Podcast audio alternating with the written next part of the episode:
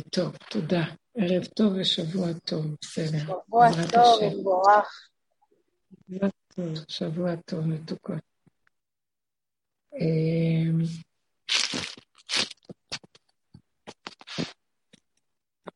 מה אני יכולה להגיד? כל כך הרבה יש מה לומר.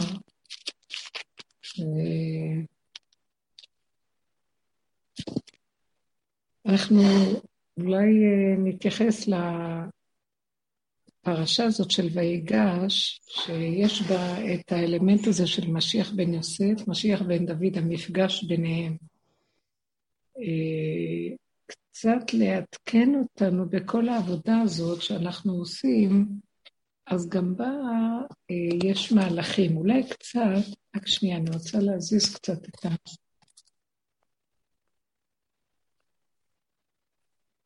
בעבודה שלנו, היא עבודה שהיא בין, היא, אני עוד תמיד חוזרת על המילה עבודה, בגלל שתמיד נראה לי שעוד יש, כי יש דרגות לעבודה הזאת, ויש כל מיני, אה,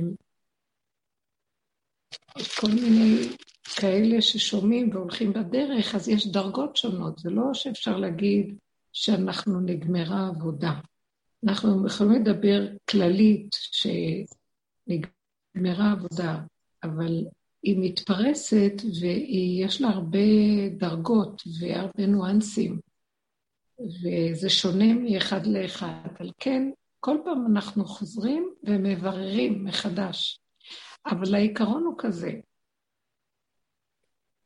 בפרשה הזאת אנחנו רואים שויגש אליו יהודה, למי? ליוסף. יוסף הוא הבחינה של משנה למלך בארץ מצרים, הוא הבר דעת. הוא בר דעת גדולה מאוד, ויהי יוסף מצליח, הוא נקרא איש מצליח. אה, יש, הולך לו בעולם, בתור שליט, שהוא בעצם אה, יושב בתודעת עץ הדת, אבל בתיקון שלה, בשכל של קדושה, אה, ויודע ושולט על העולם, נותנים לו רשות על מנת לאפשר תיקון בעץ הדת. הוא מביא בעצם את התיקון, והוא החכם שמגיע לחכם לשבת על כיסא טוב, בגלל שהוא רואה יותר מבני אדם מה. שקורה פה, ומה התהליך והכיוון הנכון של זה לעומת זה. והוא מדריך את העולם, כמו שאנחנו רואים שהוא הדריך את פרעה. פרעה היה המלך, אבל הוא זה שנתן לו את הכיוון והחכים אותו. אב בחוכמה ורך בשנים. יש לו דעת. מבחינת ידע שור קונהו, אה, יוסף הצדיק מסומל בשור. שלשורש כוח מאוד מאוד גדול של חרישה לעומק בדעת, ולתלוש את השקר שיש בתודעת עץ הדת, בדעת שלה, להוציא ממנו את יסוד האמת. כמו שאנחנו אומרים על החכמים בתורה, סיני עוקר הרים אה, וטוחנן בסברה. זאת אומרת שהוא לוקח יסודות מאוד מאוד גדולים ומפרק אותם ומוציא מהם נקודת אמת. הוא טוב בעבודת הדורות, הוא טוב ויש לו מקום, הוא מנצח והולך לו ויש לו מקום. אמנם לקראת הסוף העבודה היא שונה לגמרי. אם שיח בן יוסף הוא זה שיש הערצה לחוכמה, לדעת בעולם, לקראת הסוף יבוא היסוד של משיח בן דוד. יהודה מסמל את בחינת משיח בן דוד, וירד יהודה מאחיו. יהודה הוא בחינת המלכות. הוא לא המלך, הוא מלכות, שמחכה כל הזמן שימלא אותו המלך, האור של השם מתגלה בתוכו. הוא בעצמו כלי, והוא ריקן. לט לא מגרמו, בחינת מוקבע, לב, הוא לא לב. לב תמיד משתוקק, מתגעגע, הוא לא קשור לדעת של עץ הדעת. אפילו סותר אותה, יש לו צורת חשיבה אחרת. המלך היה מוזר בעיני דורו. מוזר הייתי לאחי ונוכרי לבני אמי. הוא לא הסתדר עם חכמי דורו, שהסתכלו עליו כאדם שונה, מוזר. חשיבה של אדם רגשי, לא רגשי בלבד, הוא היה כולו כלי ריק שמשתוקק למילוי. אז הוא היה יצרי, שכל רגע רץ ואץ. החוכמה שלו או הדת שלו בקעה מה, מהגוף, מהבשר.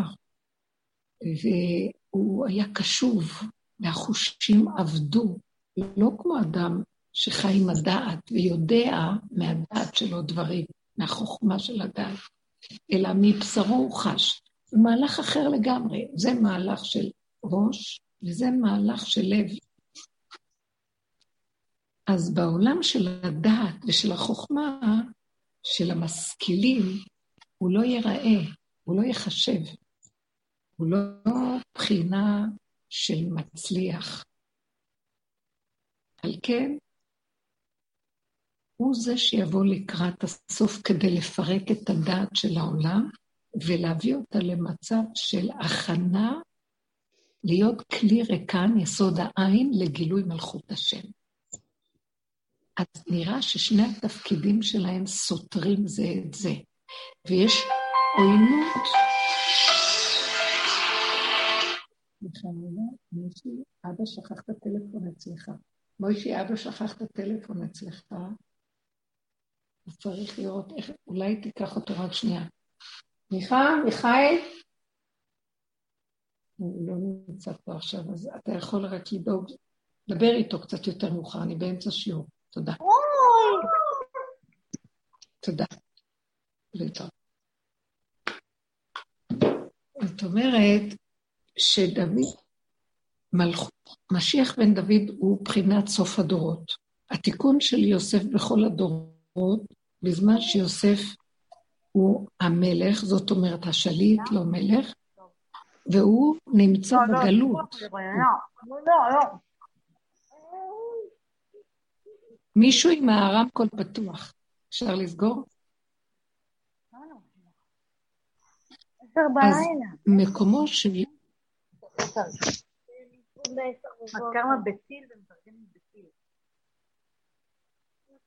מקומו של יוסף הוא בעולם, הוא בגלות. החכמים נחשבים, תלמידי החכמים נחשבים, אלה שכותבים, אלה שהוגים, אלה שמבינים. ואילו דוד המלך יהיה בסוף רק בארץ ישראל, בקדושה. זה ייעשה רק, אין לו מקום בעולם. כל ימות עולם דוד המלך הוא נבזה וחדר אישים. הוא לא מתקבל על דעת העולם, הוא מוסתר.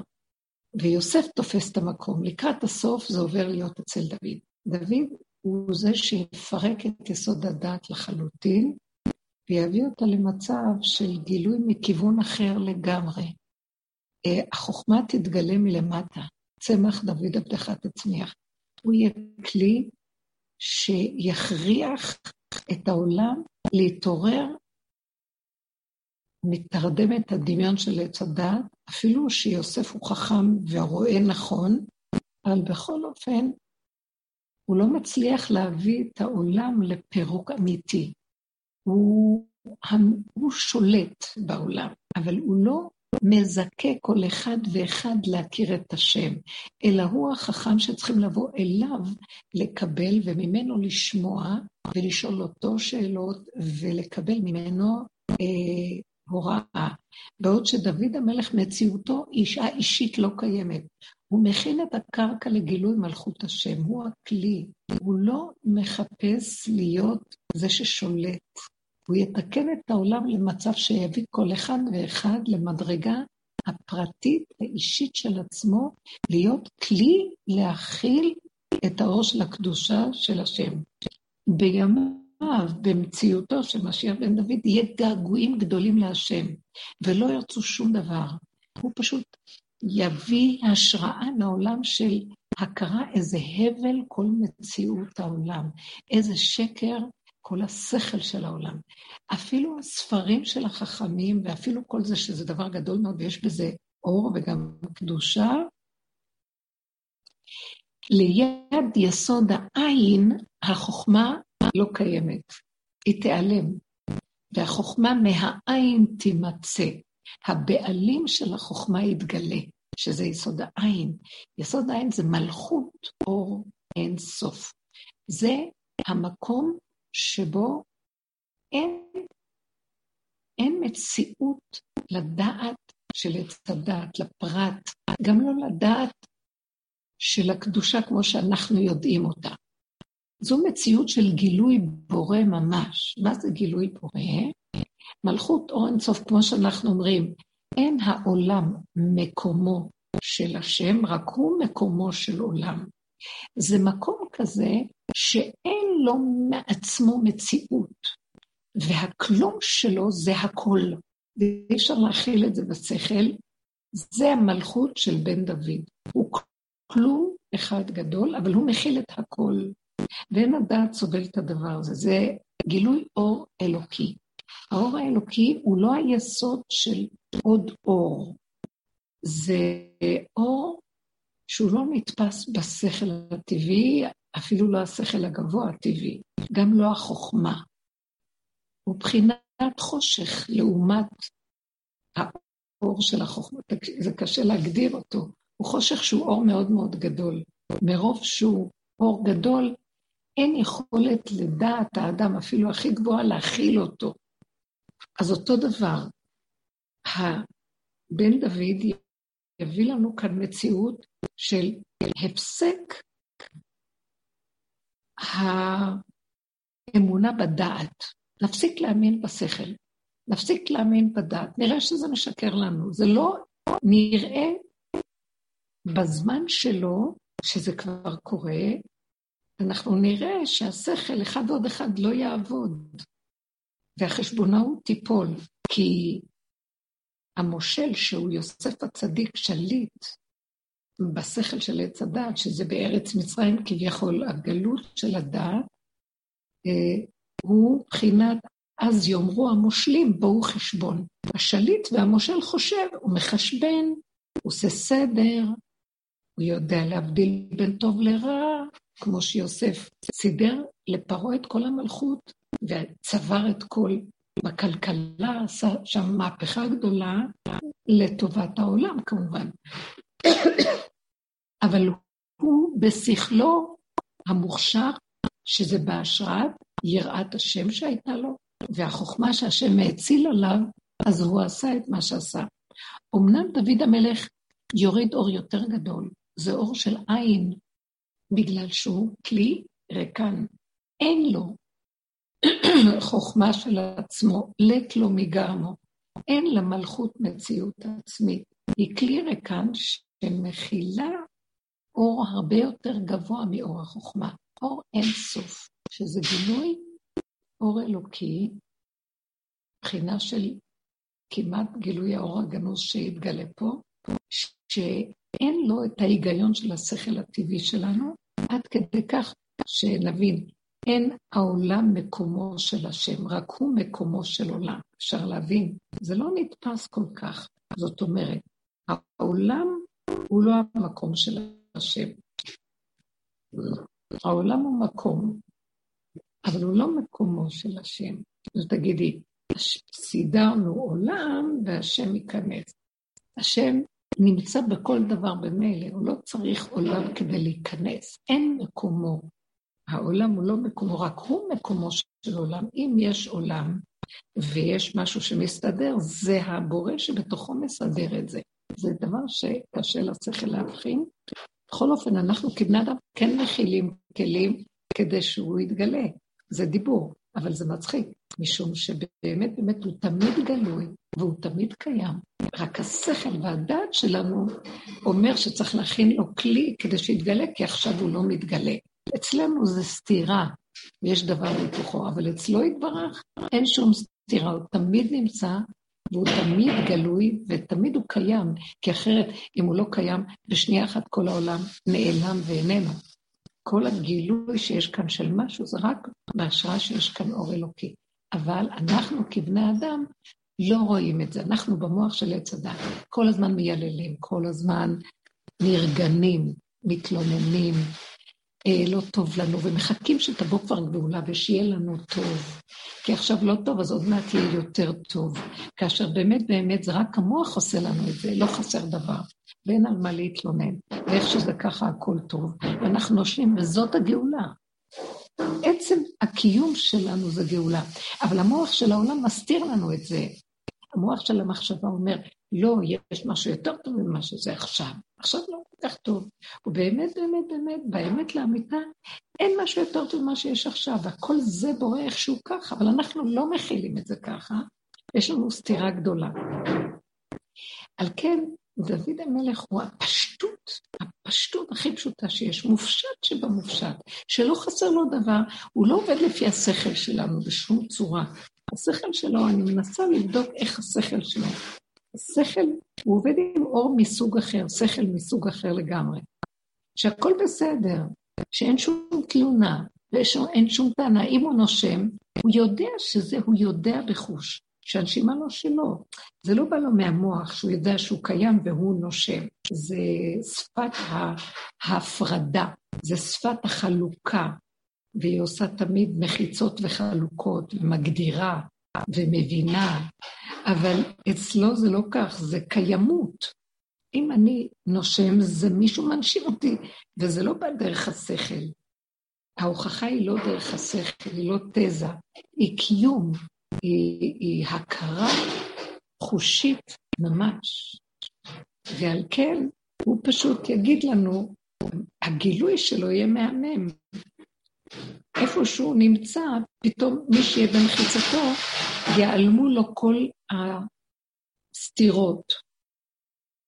אה, אה, הייתי הולכת לרבו שלפן לשאול שאלה, נכנסת לחדר שלו, וכשהייתי עומדת שם, לא הייתה לי שאלה. נעלמה לי השאלה, נעלם לי, נעלמה המצוקה, נעלם הסתירה. ואז אמרתי, אז טוב, אני מבקשת ברכה. ולא רק שלפעמים לא הייתי מרגישה שיצאתי משם אחרי כן, שלא התברכתי, אלא ההפך, הוא זימן לי משהו שפירק לי את הצורה. כלומר, את רוצה ברכה? את נושמת, את מבורכת, מה את רוצה יותר מזה? אז הוא היה סותר לי את המציאות כדי שאני בסופו של דבר אפסיק לבקש כלום. ורק אחיה עם הנשימה בצמצום מהפחד שמא אני אחטוף איזה משהו, אם אני רק אבקש. אפשר להבין את הדבר הזה? בכל אופן, המהלך של הגילוי הזה, של האור הזה, הוא דורש מאיתנו את העבודה. בין משיח בן יוסף לבין משיח בן דוד, יש את המצב של האמצע. האמצע הוא העבודה שאנחנו זכינו לה בחינת אה, מבית מדרשו של אליהו הנביא, שהוא יבוא לפני משיח קצת להכין את ה... אה, את הש... לחבר את השינויים בין תפיסת העולם בכל הדורות לבין התפיסה של המציאות של משיח בן דוד. העולם יתחיל להזדעזע ולהיות, אה, המהלך יתחיל להיות שונה, כמו שכתבנו באלון שכתוב במסכת סוטה, מסכת סנהדרין, בכתובות, כל המציאות שמה שיקרה בתקופת אה, אחרית הימים, קצת לפני, קצת לפני המהלך בין שתי המלכויות, בזמן הזה של ויגש אליו יהודה, ליוסף. כבר מתחיל להיות אור חדש ניגש לבחינה הזאת של עץ הדת, של העולם והתיקון של עץ הדת, שזה עולם התורה והחוכמה, והוא מתחיל לשבש, ומתחיל להתהפך, השכל הרגיל מתחיל להתהפך. דור חוצפה ישגה, בן קם באביו, בת באימה, כלה בחמותה, אה, בית עבד, זנות, אה, דברים הפוכים, לא יכול להיות. איך יכול להיות שבן יקוב מאביו ובת באימה וכן הלאה? איך יכול להיות ש, שהגפן תיתן פריה ויהיה שפע גדול והיוקר יאמיר ברמות שהן לא הגיוניות? אה, כל מיני מהלכים הפוכים, קטגוריה בתלמידי חכמים, בין דור שבן דוד בא, קטגוריה בתלמידי חכמים. כלומר, שלא רוצים לכבד את ה... תלמידי חכמים לא יכבדו, למה? זה לא, עכשיו נסתכל ונראה, זה, התנאים אמרו יתה ולא אחמיני, אנחנו לא היינו רוצים להיות בתקופה שזה יקרה, הם צפו ואמרו את זה עוד אז בגמרות. מה הם רצו לומר? מלכות יוסף נגמרת, מלכות משיח בן יוסף, מלכות עץ הדעת נגמרת, והם באו מצד החוכמה והדעת העליונה שהשם אישרה, תקופת התנאים, התעמים, האמוראים, הסבוראים, כל התקופה, התקופות האלה זה היה, ירד אור גדול מאוד אה, בעולם, שהוא היה אור אלוקי, כדי שיבררו את התורה בדרגות מאוד מאוד דקות, חוכמה מאוד מאוד גדולה. התנאים היו אנשים מאוד חכמים וגדולים בחוכמתם איתם, שזה היה אור מאוד גדול שירד, כי היה צריך לברר את התורה כדי לעבוד איתה בכל הדורות. אז לכן, לכן בכל הדורות היה צריך את הכוח שלהם. אבל לקראת הסוף בא משהו שמפרק את הכוח הזה, וכוחם לא ייחשב כביכול. אז זה מה שאמרו קטגוריה בתלמידי חכמים, כאילו, כשמסתכלים על זה אז רואים אוי ואבוי, מתפרק משהו שכל הדורות רגילים אליו, עץ הדת החיובי, החוכמה, התורה, אה, דרכי המסורה, אה, המוסר בעולם, בן קם באביו, איך יכול להיות? האבא מגדל את הילד והבן קם באביו, וכן הלאה. אה, איך יכול להיות שאנחנו נותנים כוח לשלטון ובסוף מנצל אותנו ומייקר את הכל ואין יכולת לאדם לחיות? אז המצב הזה, אם נתבונן בו לעומק, זה הזמן של ויגש יהודה אל יוסף, התערערות, סוף מהלך השכל והאמונה בדעת, והתחלת אה, גילוי משהו חדש. זה מה שמשפיע על השכל להתנהג איך שמתנהגת. אם נתבונן לעומק בשכל הזה, החדש, באור החדש, היינו יכולים לראות את זה בכיוון הפוך. דור חוץ פייסגה. אה, שהפה, חוצפה זה חוץ פה, הפה נמצא בחוץ. כולם מדברים. והחוצפה היא שיש איזה מין עזות לכל אחד לחשוב שהוא יודע. זה מצד הדת של עץ הדת החיובית, או המסורת הרגילה, לא נראה טוב, כי רק החכמים יש להם רשות לדבר. אבל אם ניקח את זה מצד העבודה הפנימית, נתבונן ונראה שיש מהלך מדהים שזה מההשפעה של האור של משיח בן דוד. בגלל שהוא מביא כאן את הנקודה שייצרו כל המוח הגדול ורשות הרבים של החכמים ששולטים בזה, אז יאמרו המושלים בואו חשבון, הולך להתפרק. כל אחד יתחיל להרגיש רק הוא קיים בעולם. לעולם יאמר אדם בשבילי נברא עולם. האדם הכי קטן ירגיש שהוא הכי חשוב, ואף אחד לא יגיד לו מה לעשות. גם לא אביו. אה, מצד עצמו הוא יתחיל לקב...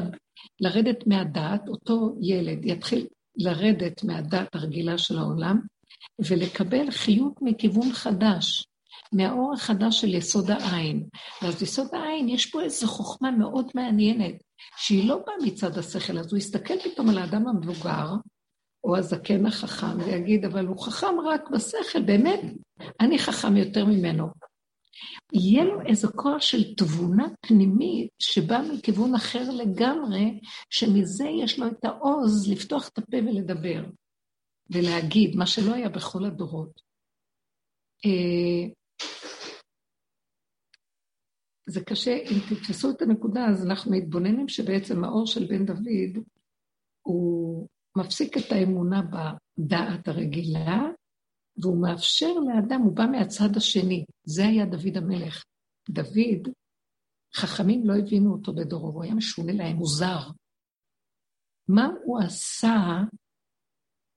חשיבתו הייתה שונה. ילד קטן, נער, בא לשאול המלך ואומר לו, אני אכה את גוליית. הוא בא מצד הדחף הפנימי, חוזק הלב, העצבים והדחפים היצריים שאיך יכ... שכל פשוט, בלי תחכום, בלי הרבה מוח. המוח, יש בו המון מחשבות והמון אה, אפשרויות, ויש בו דבר בהיפוכו, ויש לו סתירות, והוא מחליש את הלב בגלל שיש לו הרבה אפשרויות, והוא מפחד לבצע דברים. לעומת אדם שאין לו שכל גדול, והוא בא מהתוואים הפשוטים, הוא לא רואה כל כך הרבה. אז הפשוט שהוא רואה, עם הפשטות הזאת יכול לבצע הרבה יותר דברים, כמו דוד. הוא כל גיבורי החיל. כשגוליית הפלישתי יום-יום קם ומחרף מערכות ישראל, כל החכמים, גיבורי הצבא של שאול, לא מסוגלים לעשות שום דבר. הם עומדים חסרי אונים ומפחדים מגוליית פחד מוות, ולא מעיזים לגשת אליו. דוד, שלא היה לו את כוח החשיבה הזה, הוא בא מהמקום הנמוך, הפשוט, עם קליע של, שקולע אבן, אבל הוא לא היה יכול להכיל את המראה, הוא היה, דוד קראו לו טוב רועי, החושים שלו היו דרוכים, הוא ראה, איך יכול להיות שכזה טיפש, מחרף מערכות ישראל קבל עם ועדה, וכל חכמי ישראל רואים, וכל גיבורי ישראל רואים ושומעים, ואף אחד מהם לא יכול לקום ולהגיד מילה, איך יכול להיות? איך יכול להיות שהחכמים לא יקומו ויעשו משהו נגד הגוליית? הם פחדו ממנו. אז אתם יכולים להבין דבר כזה? איפה כל החוכמה של התורה? זאת חוכמה במוח, זאת חוכמה בדעת, ריבוי חוכמה, כשבא לידי מעשה, הלב חלש כמו עלה נידף, רועד מפחד. בא דוד המלך הקטן שכל כולו צמצום וחוזק של אמת, כמו אבן מרוכזת, ממוקדת, פשוטה, והוא כלא את האבן של מציאותו הפשוטה במצח ישר של גוליית, בלי היסוס, תוך כדי זה שהוא מדבר. הוא מדבר עליו, הוא אומר לו, אתה מחרף מערכות ישראל. תקשיבו, אנחנו דור של נפש משכיל, טיפש, מלא חרדות ופחדים. לא מסוגל לעשות שום דבר. החלישו אותנו כאן, גם צורת החיים מחלישה מאוד. צורת האינטלקט והיפייפות והרבה דעות והבנות והשגות, והרבה השכלות, גרמו לנו שאנחנו כל הזמן מפחדים על החיים שלנו. אנחנו לא מסוגלים לעשות שום דבר, ואז כתוצאה מזה האנשים הכי חלשים, טיפשים, יכולים לשלוט בנו. יושבי הארץ כאן אה, יכולים לשלוט בנו ולקחת לנו, לעשות מה שהם רוצים בנו. מי אנחנו? אלה שהתיישבו. לא יודעת, אני מדברת על ה... אה, לא חשוב, אני לא אכנס כאן לדעות, אה, אבל זה, זה לא יאומן באיזה חולשה אנחנו נמצאים. לעומת המציאות המצומצמת, המרוכזת, הממוקדת של אדם שהמוח אצלו לא עובד כמו שהעולם עובד, אלא זה בא מכיוון אחר לגמרי. אז אם כן, אותו, אותו נער יכול לעמוד ול, ולהעיז פנים מול האדם המבוגר. אני ראיתי את זה הרבה פעמים, שאני אה, מסובבת כאן באנשים, בני המשפחה, צעירים, צעירות, והדעת כל כך מפותחת, שהם מדברים ויודעים הכל, ולא מקשיבים לאדם מבוגר יותר שיש לו חוכמת חיים יותר גדולה, ואדם שותק, חכם שותק לידם בגלל שהם כבר יודעים הכל. והכל רק ידיעה בעלמא של מוח שמדבר. אבל במציאות של החיים, חולשה גדולה ולא יכולים להכיל את מציאות החיים ולא עומדים בניסיונות. אבל זה לא רואים בגלל שהכל במוח ובהגדרות.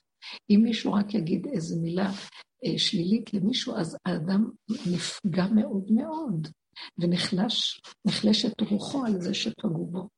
אז איפה הכוח לעמוד מול דבר? הדרך שעברנו, התבוננו בעצמנו וראינו איפה אנחנו נמצאים בין השכל הגדול של משיח בן יוסף וכל ההשכלות והידיעות לבין המציאות הפשוטה של מציאותנו, אה, בזמן התנסות ומעשה. זה בית מדרשו של אליהו נביא. לשים פנס בחורים בסדקים ולראות את כל המציאות העלובה, הפגומה שלנו, איזה חולשת הלב, איזה חולשה זה כתוצאה מזה, שאנחנו עפים באוויר ואנחנו רחבים במוח וביסוד הרוח, ואנחנו לא חזקים במציאות הקיימת של נקודות האמת שבנו.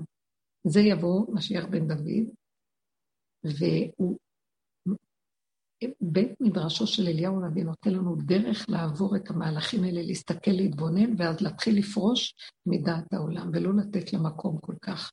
לא לזלזל באף אחד, אבל מצד שני להיות חזקים בנקודה הפנימית שלנו. אה, צמצום אחר צמצום, לפרק את השקר שבתוך כל המציאות שלנו, לנפות את הדעת בדקויות של דקויות, עד שאנחנו נשארים ממש כלים ריקים, שלא לא מוכנים, לא מוכנים לחיות עם השקר של העולם. ואני יודעת מהתלמידות וכל מיני אנשים שאנחנו עובדים בדרך, שאנחנו מגיעים למקום שאם יש משהו שאנחנו נתקלים בו, שסותר לנו את המציאות האמיתית הפשוטה, אנחנו מוכנים לפרק את כל המציאות ולא להיות שייכים. לא להתפשר עם השקר, אלא אומרים, אני, כמו שמישהי ניגשה אליי מהחברות, שהיא מנגנת יחד עם עוד שתיים, כמה בנות ככה, ועושות תופעות קטנות יפות בצורה פנימית אה, קטנה, והיא אמרה לי שהיה שם מישהי, אבל אה, מישהי שנמצאת שם, שהיא לא מהחבורה של הדרך, אבל היא מנגנת, היא התחילה, היא מרגישה שהיא מתחילה לה, להשליט מין הרגשה ואווירה שהיא אה, היא זאת הכי חשובה, והיא אה, היא זאת שצריכה להחליט מה יהיה ההרכב, ואיך להעביר את כל המציאות של כל החבורה הזאת, ואיך להנהיג את ההופעות שלהם והכל. ואז זאת מהדרך אמרה לי, אני כל כך קולטת את הגאווה פה ואת ה... הרימו כאן ראש, אני לא, אני לא, אני מסתכלת על עצמי ואני לא נגדה, אבל לא בא לי על זה, היא אמרה, אני לא, אני מוכנה לפרק את הכל, ולא מוכנה להתפשר עם המצויות של העולם וכל מיני תככים וכל מיני דברים, אני עוזבת את הכל כי זה לא, זה מפריע לי. אז דיברנו על זה, מאוד שמחתי שהיא מאוד חזקה עם הנקודה שלה, אבל אמרתי לה, תראי, לא בקלות תוותרי, תנסי לעבוד מכיוון אחר, אל תברחי, רק פשוט אל תתרשמי מכלום, תמשיכי את מה שאת עושה, כאילו כלום לא קיים אצל השני, בסוף זה יחליש גם את הכוח של השלילה. לא לברוח ול... לא לברוח ממה שאנחנו רואים שהוא סותר אותנו, כמו שאנחנו רואים ויגש אליו יהודה. יהודה ניגש ליוסף ואומר לו את הדברים כהווייתם. אה, לא מתאים לי ההתנהגות הזאת, לא מתאים לי המקום הזה. אנחנו יכולים להסתדר בצורה אחרת. זאת אומרת, אה, יהודה הוא לא זה שינסה אה, להתחנף או להתפשר או אה, אה, להתחנחן, אלא הוא יגיד את הנקודה, הוא יגיד את הדבר, אם כן, כן, ואם לא, אז שלום, לא צריך. אין, אין מחויבות לשום דבר. המחויבות הגדולה ביותר היא להישאר קשור לנקודת האמת ולא לעשות שקר בנפשנו. אנחנו בעצם, משיח בן דוד, המציאות שלו היא להכין את הכלי שלו להיות נאמן לגמרי למציאות האמת, גילוי מלכות השם שהולכת לרדת וצריכים להכין כלים אמיתיים. אה, לוותר על הכל, לוותר על החברה, על, על הכל. אנחנו לא שוברים כלים, אבל אנחנו לא משתתפים במשחק של השקר בעולם. האם מה שאמרתי עד כה, יש למישהי מה לומר כדי שנוכל לפתח עליי את המקום? עוד נקודה שאני אחזק אותה זה שכל מה שאמרו חכמים שהם לא רוצים לראות בגלל שמלכות הדעת, אה, או מה שנקרא אה, ממשל הדעת, שלטון הדעת נגמר, אז התופעות הן דווקא לכיוון משיח בן דוד לטובה. את אותה תופעה, למשל, בסוף אומרים חז"ל, אחרי כל ה... אה, מה שיקרה בסוף הדורות, אז בסוף אומרים, התנאים אומרים, ואין לנו אלא לשאת את עינינו אל אבינו שבשמיים. זאת אומרת, הם אומרים, המצב יהיה כל כך גרוע שלא יהיה לנו במה להאמין. אז נהיה חייבים להאמין, רק לעזוב את כל העולם ורק להאמין בהשם. אז זה נשמע כאילו בדיעבד, כאילו התנאים אומרים בעצם, כל עוד אפשר להאמין בשכל, כמובן שנאמין בשכל ובעולם ובסדרים וב...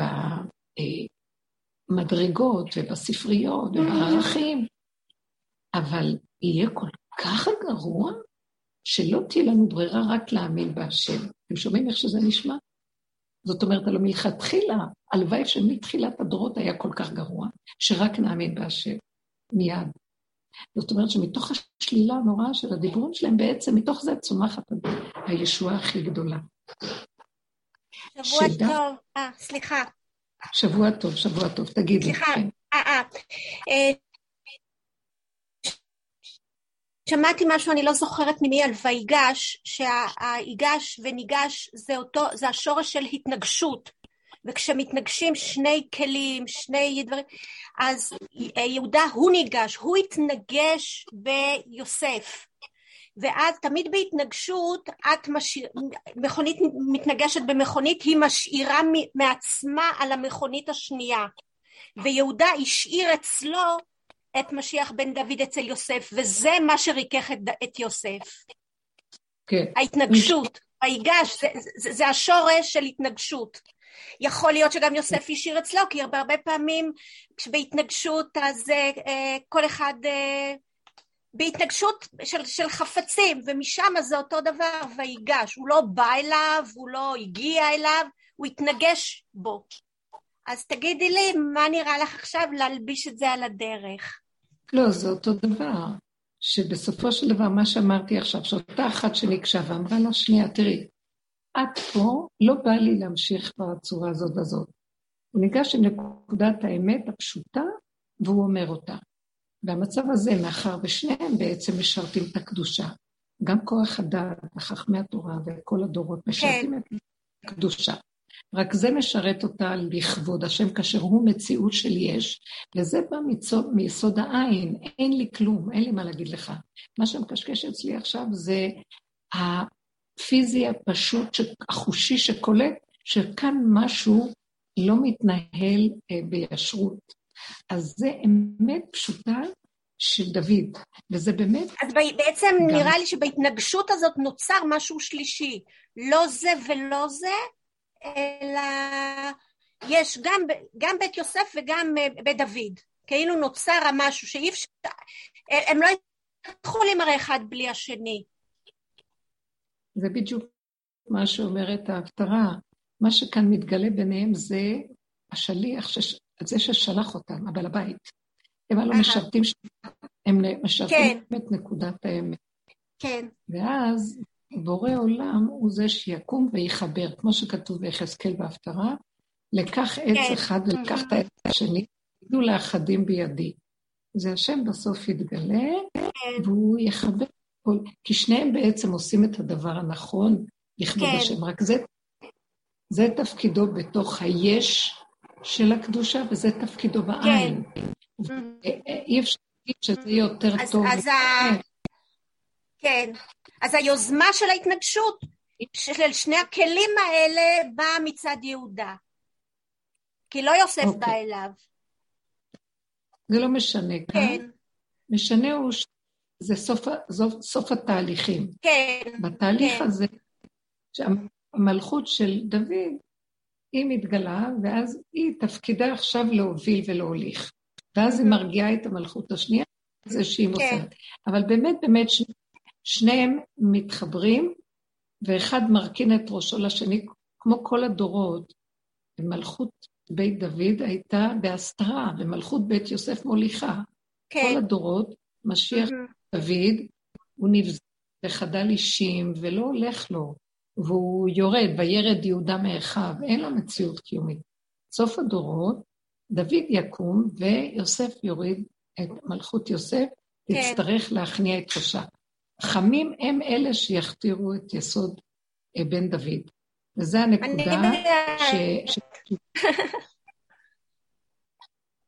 זו הנקודה של השינויים.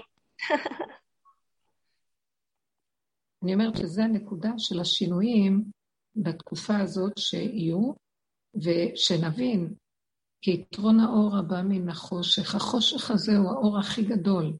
אז זה אור שבא ממקום, מרוב שהוא אור, הוא לא נתפס, אז הוא נקרא עין. העין, יסוד העין, הוא יסודו של דוד. והכל הפוך פה, עולם הפוך ראיתי, שאנחנו בסדר העולם, עם מוח, מאמינים, יש לנו אמונה בדעת, בסדר, בשכל. ככה העולם הזה בנוי, ועלמא דשיקרא. אבל דוד המלך יביא לנו איזה גילוי, הוא יכין את הקרקע, לא ש... הוא לא יכין את הקרקע, הוא בעצמו כבר יגלה קרקע חדשה, שעליה מתגלה אור אחר, שפתאום נראה שהחשיבה תשתנה לחלוטין. וכל מה שהתנאים אמרו, שבן קם באביב, כל מה שאמרנו, כל הסימנים האלה, אה, קטגוריה בתלמידי חכמים. זה לא נשמע דבר טוב שמקטרגים על תלמידי חכמים וסותרים את דעתם. דעת סופרים תסרח, לא יהיה להם חשיבות. אז מה זה אומר? מצד אחד זה נראה נורא, מצד שני זה אומר שזה מפנה את מקומו למשהו הרבה יותר גבוה מכיוון אחר לגמרי, זה יסוד האור הגנוז מתחיל להתגלות. אם כן, אין דבר יותר חיובי ממה שיקרה. אם כן, הכל בעצם מושלם. זה שהכל מתערער, זה, זה גוף בעטיו של אותו, בהשפעתו של אותו אור חדש, שמגיע ממקום אחר לגמרי, וזה סימנים הכי טובים שיכולים להיות. אה, אלה אנשי הדת, אה, אה, הם, הם, זה נורא, זה, זה אבלות. תראו מה שקורה, הכל מתהפך, הכל מתהפך. נכון, אבל נכון. יש... אבל אי אפשר לבנות חדש אם לא מקריסים את הישן. כן, בדיוק. זה לא. אי אפשר לעשות טלאי על טלאי על טלאי. מהישן, תראי, זה מה ש... זה האור האלוקי. הישן בעצמו משמש את החדש. זה התמרת אנרגיה, זה לא שצריך להזיז את זה על מנת שזה יבוא. זה בדיוק מה שאמרנו. עצם שהחוץ פייסגה זה גופה מתוך המציאות של הישרות, מהפכים אותה, זה נראה חוצפה, אבל החוצפה היא דווקא לתועלת. עכשיו, בואו בוא נסביר כן. את זה אחרת. אם תודעת עץ הדעת וכל החוכמה שלה, אפילו החוכמה של הגדולה של עץ הדעת, היא בעצם מופנית מול רשות הרבים. מטרת החכמים זה ללמד את העולם, זה לשלוט. אה, החוכמה אומרת מה לעשות, וכולם צריכים להקשיב לה. הולכים לשאול רבנים, מדריכים אותנו לאיזה נקודות, אז זה כלפי חוץ כל הזמן ברשות הרבים. אז חוץ ביסגה, כלפי רשות הרבים, זה לא יפה שהנער יתחצף לזקן. ומצד שני, מה אורו של משיח בן דוד עושה? הוא לוקח את כל הרשות הרבים והופך אותה לרשות היחיד. ועדיין אדם מתחצף, אז איך הוא מתחצף? הוא לא מתחצף כלפי העולם, הוא מתחצף כלפי הבורא עולם, הנקודה הפנימית של האמת. זאת אומרת, יש לו מה להגיד. הוא לא בא להתווכח עם השני, להפיל אותו. הוא בא להגיד לו, תשמע, לא מתאים לי, לי מתאים זה וזה וזה, וזה נראה כלפי חוץ כביכול אה, חוצפה.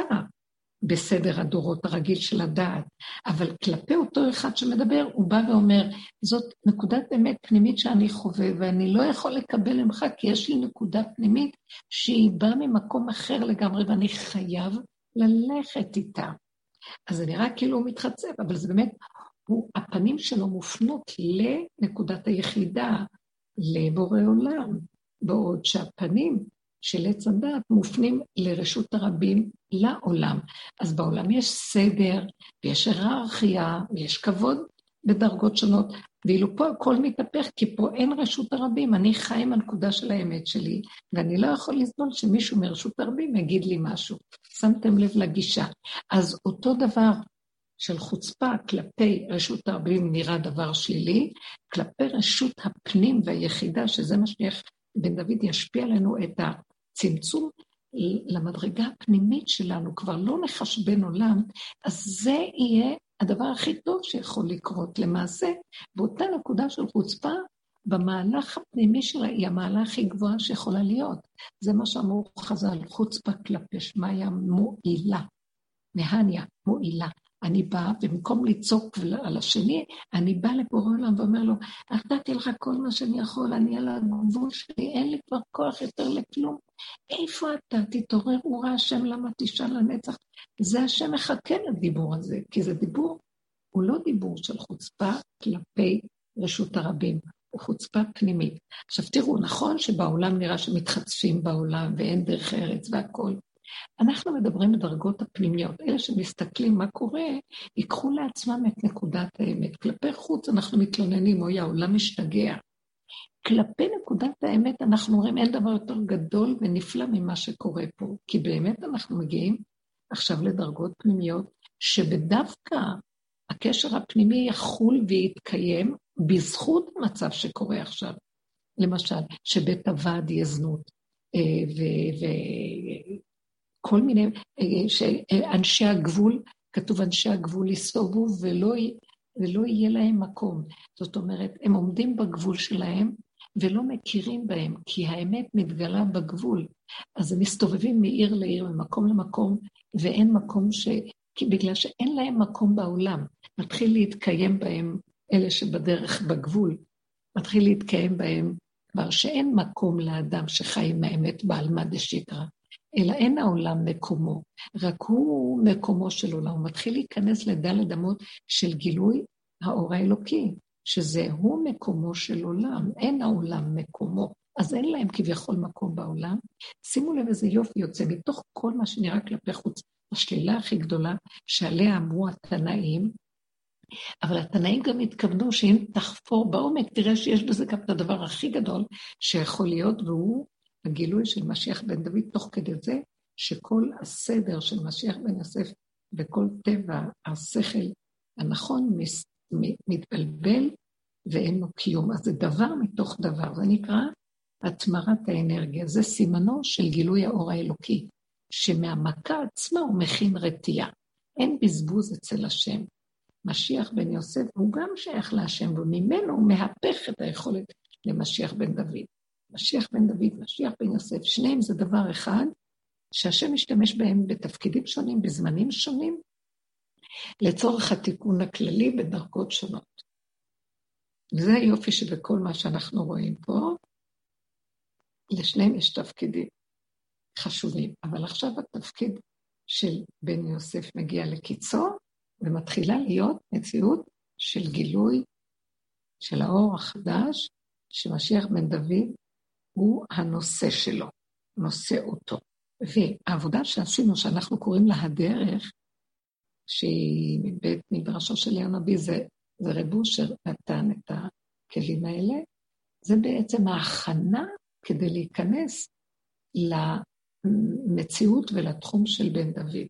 זה להכין את הכלים לפרק את השקר, לפרק את הדעת. מה שעשינו, פוררנו את עץ הדעת, שמנו עליו פנס ופוררנו, וראינו את השקרים שיש מאחורי כל הכביכול שכל והרוחניות והאהבה והטוב, ופירקנו את הכל וראינו רשעות הכי גדולה, שקר וכזב, אה, שאחר כך היינו נאלצים להיזהר לא להישבר, בגלל שזה שובר את האגו, שנראה לנו שאנחנו נורא צדיקים וטובים. אנחנו האגו, אנחנו בעצם שליט בארץ מצרים. אבל פתאום באים, כאילו בא מסר מהמלך ואומר לשליט, שליט יקר, משנה למלך חשוב, אה, אני המלך שולח לך איגרת שהגיע הזמן שלך לפנות את הכיסא, כי אני בכבודי ובעצמי רוצה להתגלות. אז המשנה למלך לא מבין, הוא נבהל. עשיתי משהו רע, אולי לא מלכתי טוב במחוזות, אולי, הלו, אני זוכר ששלחתי לך את כל המיסים שרצית, ואת כל מה שביקשת ממני, כל החוקים והדינים, קיימתי, אז למה אתה עכשיו רוצה להזיז אותי מהתפקיד? האם אתה כועס עליי? משהו אולי לא בסדר שעשיתי? אני, אני מוכן להשתפר. לא, לא, לא, השם אומר לו, לא, המלך אומר לו, לא, עשית הכל בסדר. אל תשכח שאתה בתפקיד של משנה למלך. עכשיו המלך בכבודו בעצמו רוצה להתגלות. אתה מוכן להזיז את הכיסא? זה לא יהיה קל למשנה למלך להזיז את כיסאו, לתת את כיסאו למלך. זה קשה. זה המהלך שאנחנו נצטרך לעבור, להזיז את השכל, להזיז בשכל נאור, שכל של תורה, שכל של כל מיני אה, סדרים בחברה, במשפחה, במסורות, הכל יזוז ובואו נראה שאנחנו לא ניבהל ונגיד, לא, לא, לא, לא, לא, זה בעצם לתועלת, כי המלך עכשיו רוצה אותנו. מלכו של עולם מחפש את המקום שלו כדי להתגלות עלינו. אז אנחנו מאוד שמחים. יותר מזה שחכמים אומרים, אחרי כל ההשתלשלות השלילית, אה, שמה שיקרה בסוף הדורות, אז הם אומרים, והמצב יהיה כל כך גרוע בעצם, ככה זה משתמע, שאין לנו אלא לשאת את עינינו לאבינו שבשמיים. זאת אומרת, בלית ברירה נצטרך לשאת את עינינו לאבינו שבשמיים. מה זאת אומרת בלית ברירה? הלוא כל התכלית של מה שהיה האדם הראשון זה תמיד תחת מלכות השם, ורק בגלל עץ הדת הסתתרה המלכות והאור של השם. ואנחנו בעצם חיים במקום של כוחי ועוצם ידי, אמנם לכבוד השם, אמנם אנחנו עושים בשכל ש... שהוא נותן לנו לכבודו ובכל מיני כוחות לכבודו, אבל כאן זה הוא בכבודו ובעצמו. יש פער גדול מאוד בין שני המהלכים האלה, של זה צריך לעשות את עבודת ההכנה של הדרך, שככה שנים אנחנו דיבה, לפרק ולפרק את אותו כוח שנשבר, שנבהל, שמאוים, אה, ש... אה, מתייאש, ולא להתייאש, לא להישבר, להסכים בפשטות ולהגיד, הדבר הכי גדול שכל הדורות ציפו לו, הולך ומתגלה. אז מדוע אני נשבר? זה האגו. אז אם זה האגו, אז בוא נעבוד עליו, גם הוא. בוא נגיד לו, חמוד שלי מותק, אתה יודע משהו? עוד מעט יהיה לך הכי הכי טוב שבעולם. זה כלום מה שיש לך עכשיו, עוד מעט יהיה לך הרבה הרבה יותר טוב. לא תדאג, לא תילחץ, לא תתווכח, לא תתנצח, לא תהיה חרד, החיים יראו לך אחרת לגמרי, כלום לא שלך, הכל טוב יש לך. כשאתה מחזיר את הכל לבורא, כל מה שאתה נותן לו ייתן לך בחזרה פי כמה וכמה. הוא בכבודו ועצמו יתיישב בתוכך ויסדר הכל, וזה יהיה כאילו תחת השם שלך, כאילו זה אתה. אבל אתה יודע בפנים שזה לא אתה, הפוך, אתה לא יכול לסבול לחשוב שזה אתה. כי האמת היא שזה הכל בורא עולם, וכלום לא שלנו.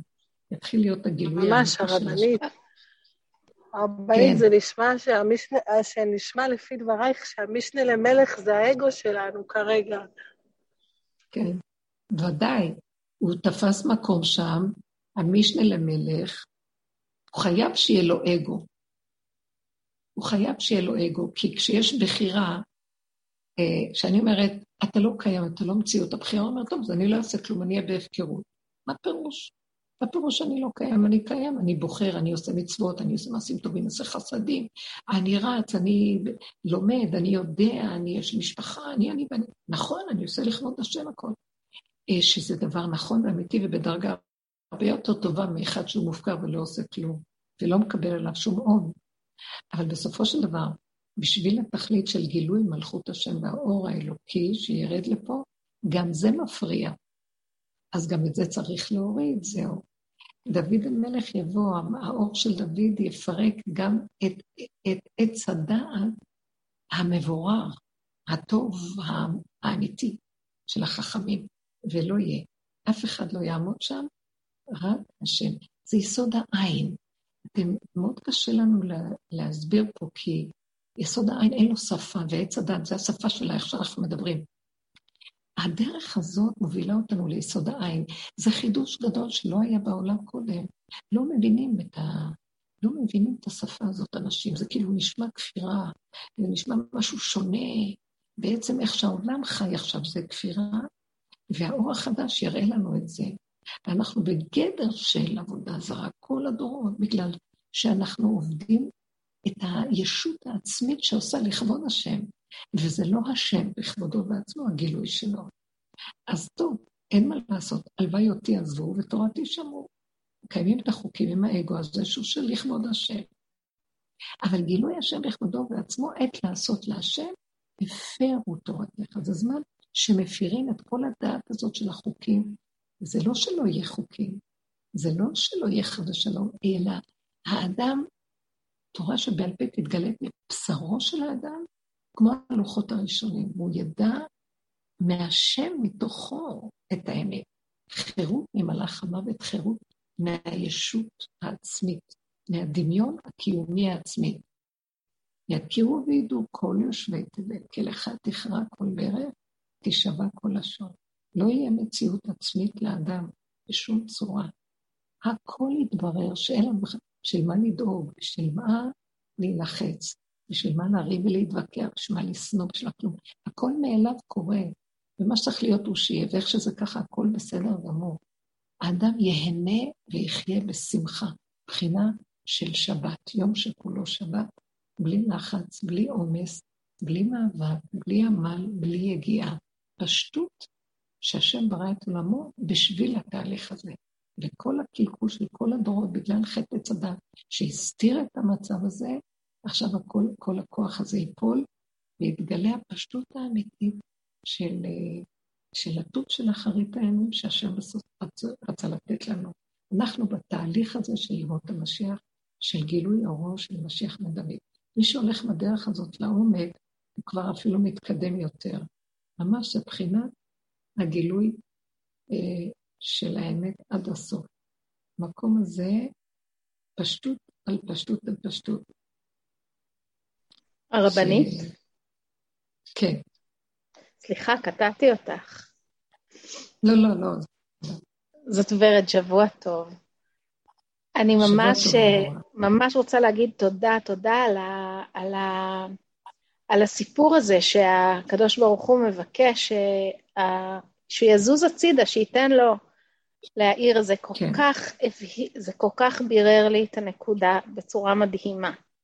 אני כן. ממש מרגישה בתקופה האחרונה שאני נמצאת על התפר, על התפר הדק.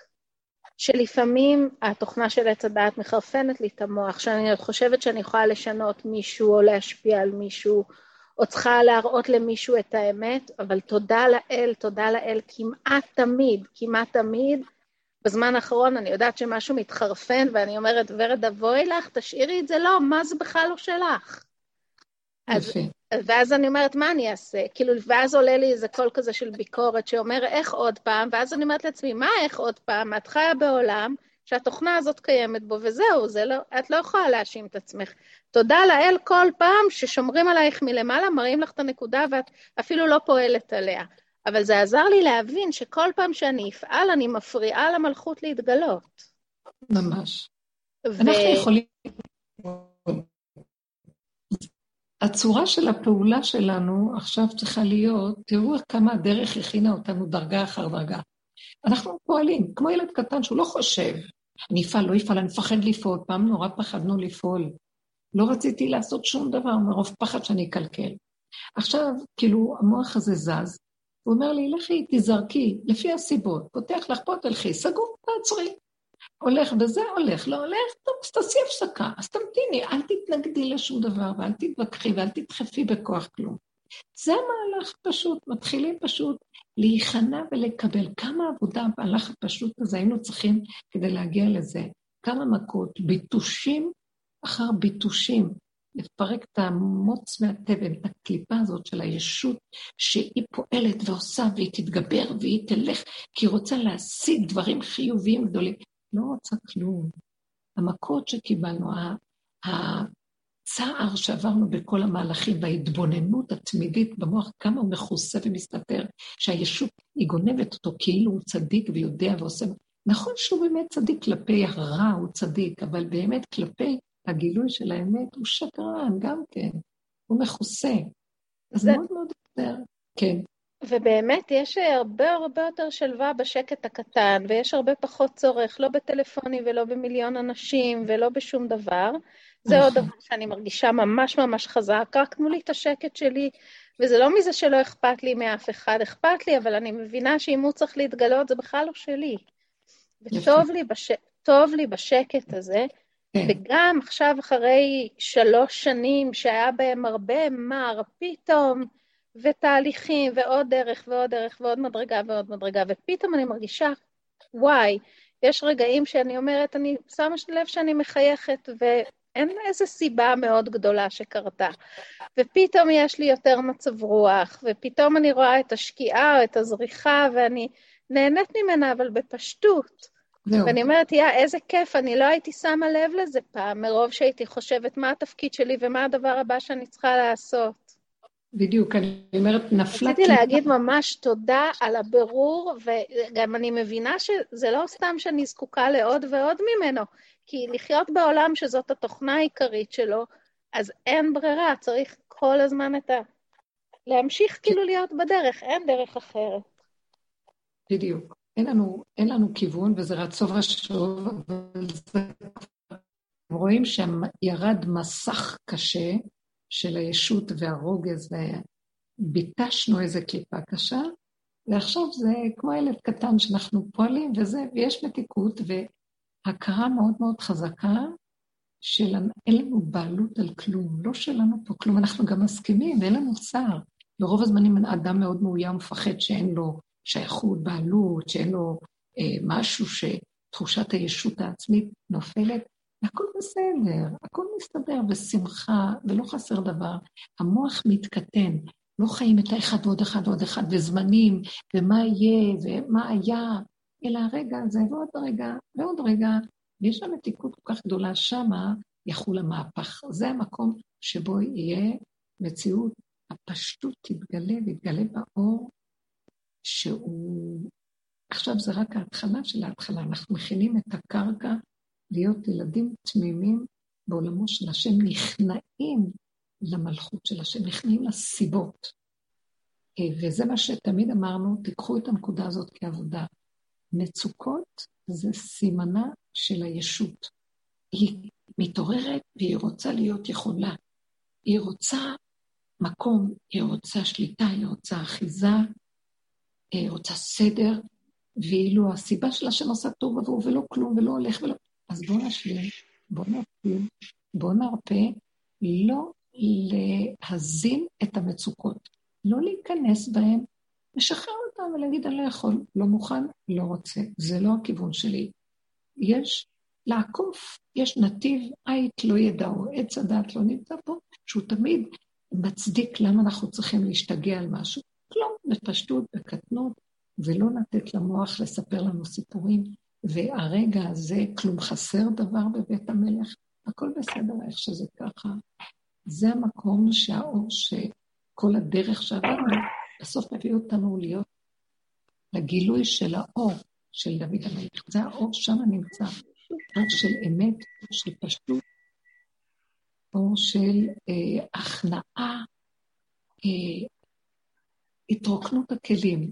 זה המלכות. המלכות היא כלי ריק, לט לה מגרמה, אין לה מציאות עצמית. והיא כלי שכולל הכל ואין לו כלום. אין לו כלום, אבל הכל יכול להתקדם. יש עוד מישהי שרוצה להגיד משהו? כן, הרבנית, אני רוצה להודות לך. היה לי איזה פלונטר בראש, ופשוט עכשיו הזזת אותו, ואני כולי נינוחה ונחה וכיף לי, ו... ואני גם רוצה להזכיר לך, את זוכרת איך הגעתי אלייך, עוד שהייתי כזאתי, מכופכפת מהחיים, וחבשת אותי ואמרת לי לא, אל תדאגי.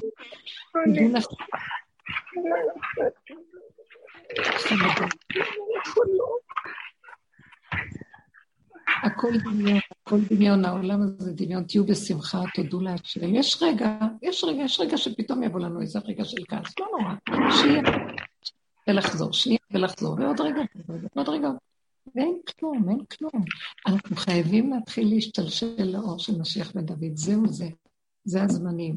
אני רואה את הפרשיות כל פעם מחדש, אנחנו כבר לא יכולים ללכת על הסדר הרגיל של מה שקורה. תמיד נחפש שם את הנקודה שמתאימה לנו, במצב שלנו, שאנחנו בתהליך סוף הדורות, ואנחנו מכינים את עצמנו לימות המשיח, שזה המקום, שזה רק ההכנה, תדעו לכם, יבוא משהו, משהו מדהים. אני, אני, אני רואה, בואו נסגל כמה מילים שאני עוד אומר, בואו נסגל מצב של אה, לתפוס את עצמנו, לא, לא, לא להתמרמר. רגע של מרירות, תדעו שנכנס המוח של עץ הדת, הוא משקיף ואומר לנו, מה, גם זה שווה משהו? מה, החיים שווים משהו? מה זה שווה כאן? מה, היה צריך להיות זה ולא זה? לסגור, לסגור, לסגור, לסגור, ולחזור למקום של הרגע, הנשימה. אני הולכת עם זה הרבה עכשיו, זה מאוד מאוד, אני, תתאמנו על זה. לא לתת לי יותר מהרגע למשוך אתכם. בתוך זה לעשות את הפעולות שנדרשות, והשם יזמן, תדברו איתו, תבקשו, הוא ייתן לנו את הברכה ואת השפע למה שצריך כאן ועכשיו, אבל לא בגדולות ונצורות, לא להתהלך בגדולות. הכל בקטן, הכל בפשטות, הכל בהכרת הטוב ובמידתיות, ובלי ביקורת ושיפוטיות. המוח שלי הוא מאוד ביקורתי, הוא קופץ לי, ואז אני אומרת, לא, לא, לא, לא, לא, הכל טוב איך שזה ככה. אני הולכת, אז זה מה שאני צריכה לעשות.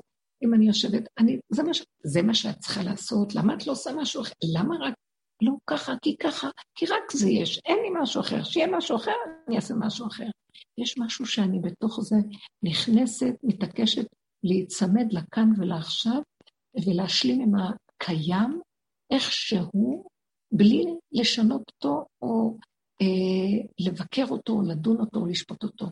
ו, ובתוך זה אני מצרפת בקשה למה שנראה לי לפי הרגע. השם, תעזור לי, חיה אותי, תקיים אותי, תסדר לי מה שאני צריכה, זה הנקודה. אם המחשבות מתחילות להיות יותר ברורות ובהירות, אז אפשר לבקש תפילה. כי המחשבה שבאה, תצרפו אליה תפילה וזהו, תשלחו ותאמינו בבורא חי עולמים, שהוא זה שיחזיר וייתן את מה שצריך, ולא יחסר לנו דבר. המקום הזה זה כאילו הכנת,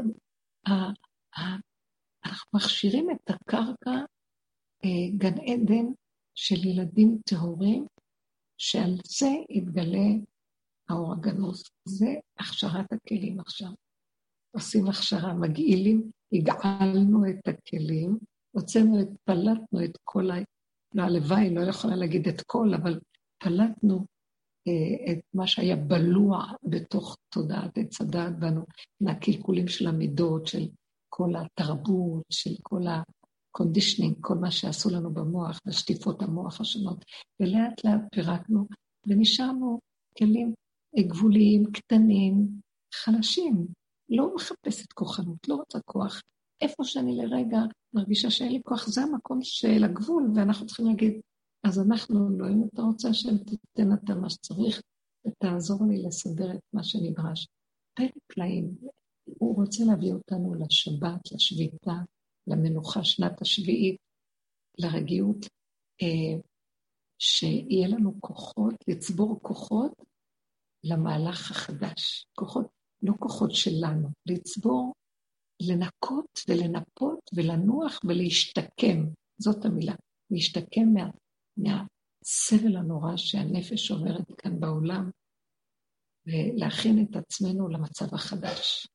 תודה רבה לכם, שבוע טוב, ישועות ובשורות טובות, אור חדש. אמן. ציון תאיר. תודה, תודה, תודה רבה רבה. שבוע טוב, הרבה נחת. כן, תודה רבה לך. כל טוב, כל טוב. כל טוב, טוב. אמן, אמן, גם לך.